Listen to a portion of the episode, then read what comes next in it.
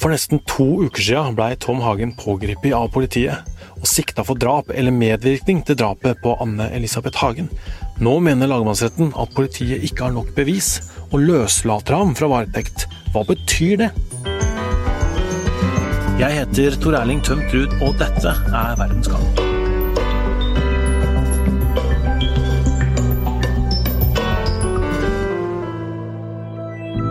Har du akkurat vært inne hos eh, din eh, klient? Hva hadde han å si? Ja, han var naturligvis eh, fornøyd. At eh, lagmannsretten eh, falt ned på dette standpunktet. Så han så frem imot at eh, Høyesterett fikk behandlet dette i morgen. Jeg har jo forberedt han eh, på at eh, det er svært sjelden at personer blir løslatt eh, i slike saker. Og så han var jo også forberedt på at eh, dette kunne komme til å ta nokså lang tid. Eh, Og da, da er det jo klart da kommer det som en hyggelig overraskelse. Det sa Tom Hagens forsvarer Svein Holden torsdag kveld. Han sa også i et intervju i forrige uke noe sånt som at det er svært sjelden politiet ikke får medhold i en varetektsfengsling. Det skjer nesten aldri. Men i denne saken bør det skje, sa han, og lagmannsretten var enig. De har bestemt at Hagen skal løslates. Hvorfor skjer dette, krimkommentator i VG Øystein Milli? Det skjer fordi at to av de tre dommerne i lagmannsretten, eh, etter å ha vurdert bevisene, kom til at det ikke er såkalt skjellig grunn til mistanke.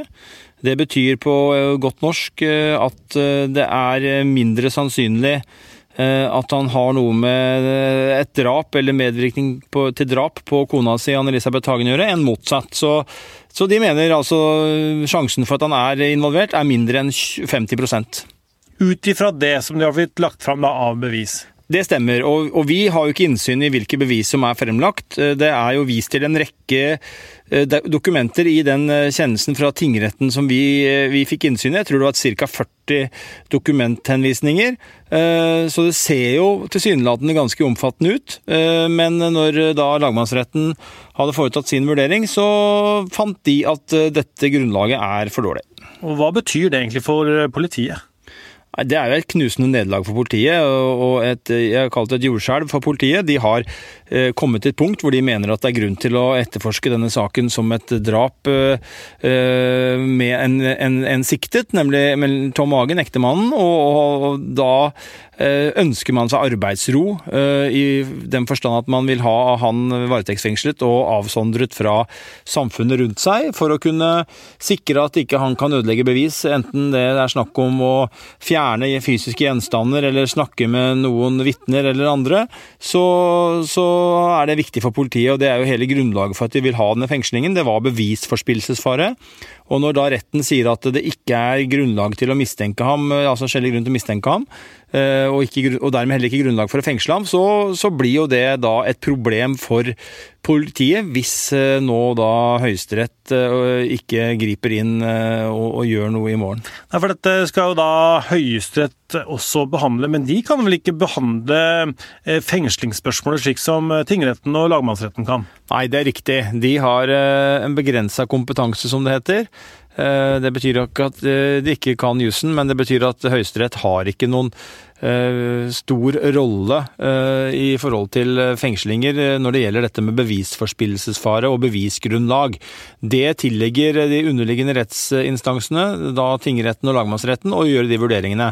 Så Høyesterett må mer ses på i denne sammenheng som en slags sikkerhetsventil som kan vurdere fengslingstjenesten etter to hensyn, nemlig om det har foregått eh, saksbehandlingsfeil, eller om det er benytta feil lovanvendelse. Og hvis man finner eh, at det har forekommet noe, noe der som man kan sette fingeren på, så kan man da oppheve denne kjennelsen, og da medfører det at eh, lagmannsretten får tilbake igjen fengslingsspørsmålet til ny behandling.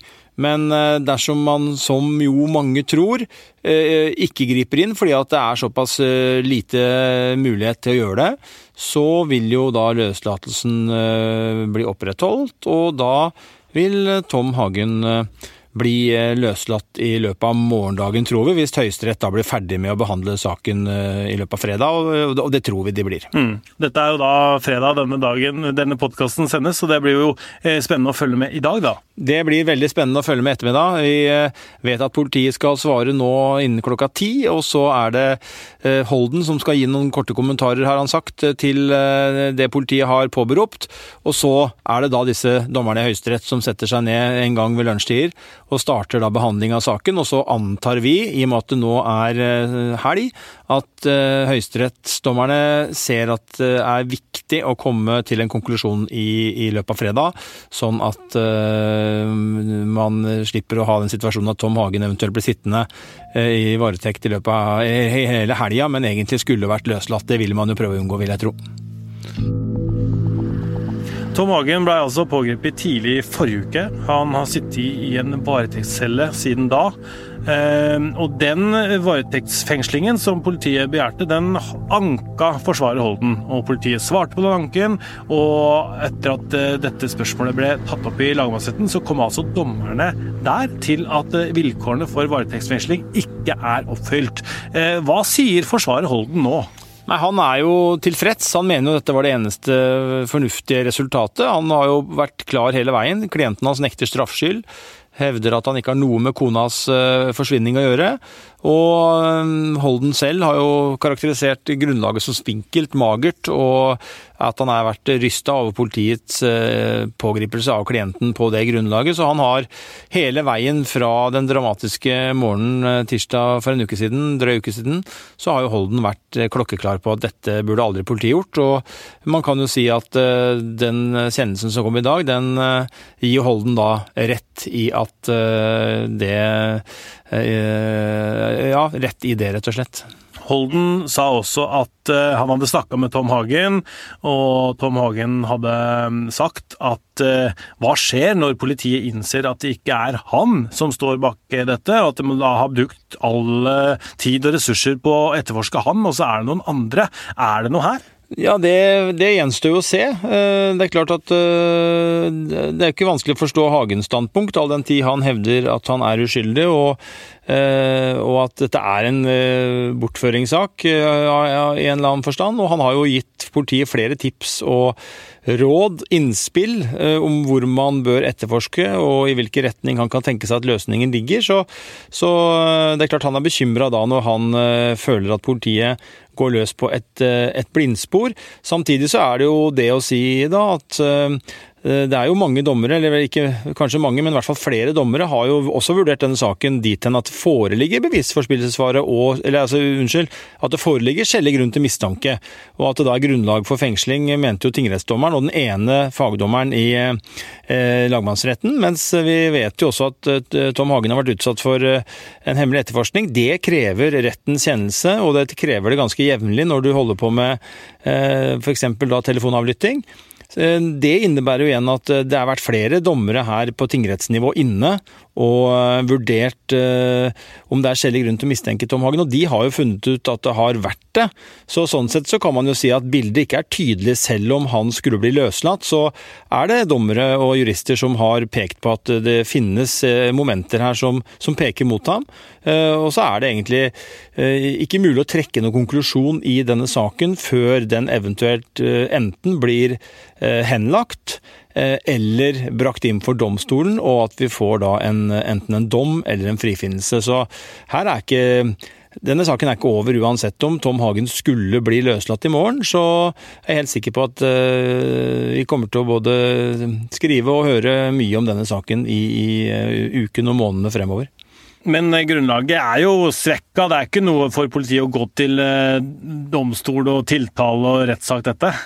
Eh, nei, det er jo vanskelig å si. Vi vet jo ikke hvor mye politiet har lagt frem av bevis heller, da. Om det sitter på bevis som retten ikke har fått innsyn i fordi at vi ikke har eh, følt at det har vært nødvendig, eller at bevisene er under Eh, på å si produksjon, i den forstand at det ikke er ferdig analysert, eller at man eh, har eh, gjort beslag nå som er interessante da, i forbindelse med ransakingene, omfattende ransaking som har pågått en uke her. og Det har jo vært saker Tor Erling, hvor man har blitt løslatt fra varetekt, men likevel blitt domfelt til slutt. Så, så, sånn sett så tror jeg ikke man skal si at, at, det, er, at det er over og ut på generelt grunnlag, så vil jeg ikke si det. Men det er klart det er ikke, heller ikke til å stikke under stol at det er et nederlag for politiet, og at det er et signal om at bevissituasjonen er uklar, i hvert fall. Som kommentator og, og, og krimekspert og fulgt mange saker, vil du si at politiet har tabba seg ut? Det er vanskelig å felle en sånn dom når man sitter på utsida og ikke har innsyn i det som uh, har skjedd, men, men, det er jo klart at uh, det er jo en tanke som melder seg, om det er noe som man har gjort som burde vært gjort annerledes. Når man har etterforska en sak i 18 måneder og har brukt såpass mye ressurser, og, så sier man at nå er vi ved et veiskille, nå pågriper vi ektemann Tom Hagen for drap eller medvirkning til drap på kona, så forventer man jo at selv om noen dommere som vi var innom, mener at det er skjellig grunn til mistanke, så mener man jo samtidig at det ikke bør være noe sånn at det er noen varierende oppfatning blant dommere. Det bør være et bevisgrunnlag som er så solid at at de aller, aller, aller fleste dommerne, for ikke å si alle dommere omtrent, burde til, gi sin tilslutning til, til, en sånn vurdering. Og det er jo ikke tilfellet her nå. Og det gir seg jo da et dramatisk utslag i form av at politiet nå har gått på et nederlag, og at retten har teoretisk sett løslatt Tom Hagen. Og som vi har vært inne på, da, så er det gitt såkalt oppsettende virkning. Det innebærer at han ikke får lov å gå ut av cella si i Oslo fengsel i kveld, men at han må sitte der i påvente av at Høyesterett da eh, gjør en slags kvalitetskontroll av denne kjennelsen, selv om den eh, er good to go, og hvis den er det, så, så, blir han løslatt. Eh, og hvis ikke, så blir det jo eh, litt mer ventetid foran, for da vil han måtte vente på at en, en ny eh, runde i lagmannsretten. Så, så, det er fortsatt en del x-er og y-er her, før vi kan slå fast noe veldig sikkert. Mm.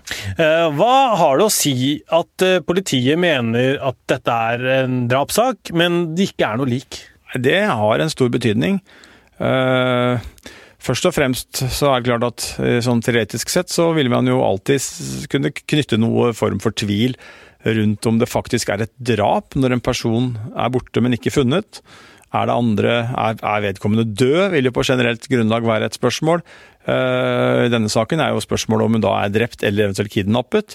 Uh, nå er det vel ikke så mange som tror at hun kan være i live etter så lang tid, men uh, man har jo ikke funnet noe, noe lik, og da, da, er jo den teoretiske muligheten der. Og så er det jo også sånn at det å finne et lik ofte kaster et lys over hvem som har gjort det. hvordan det har skjedd. og det er jo Derfor er eh, alltid et, et offer eh, i en sånn sak er viktig også bevismessig og etterforskningsmessig for politiet. Eh, hvis det er sånn som eh, Tom Hagen mener og forsvarer eh, Svein Holden sier, at eh, politiet tar feil, og det er ikke Tom Hagen som har noe med dette her å gjøre, hvem er det da som står bak? Det er jo et godt spørsmål, og det er et viktig spørsmål.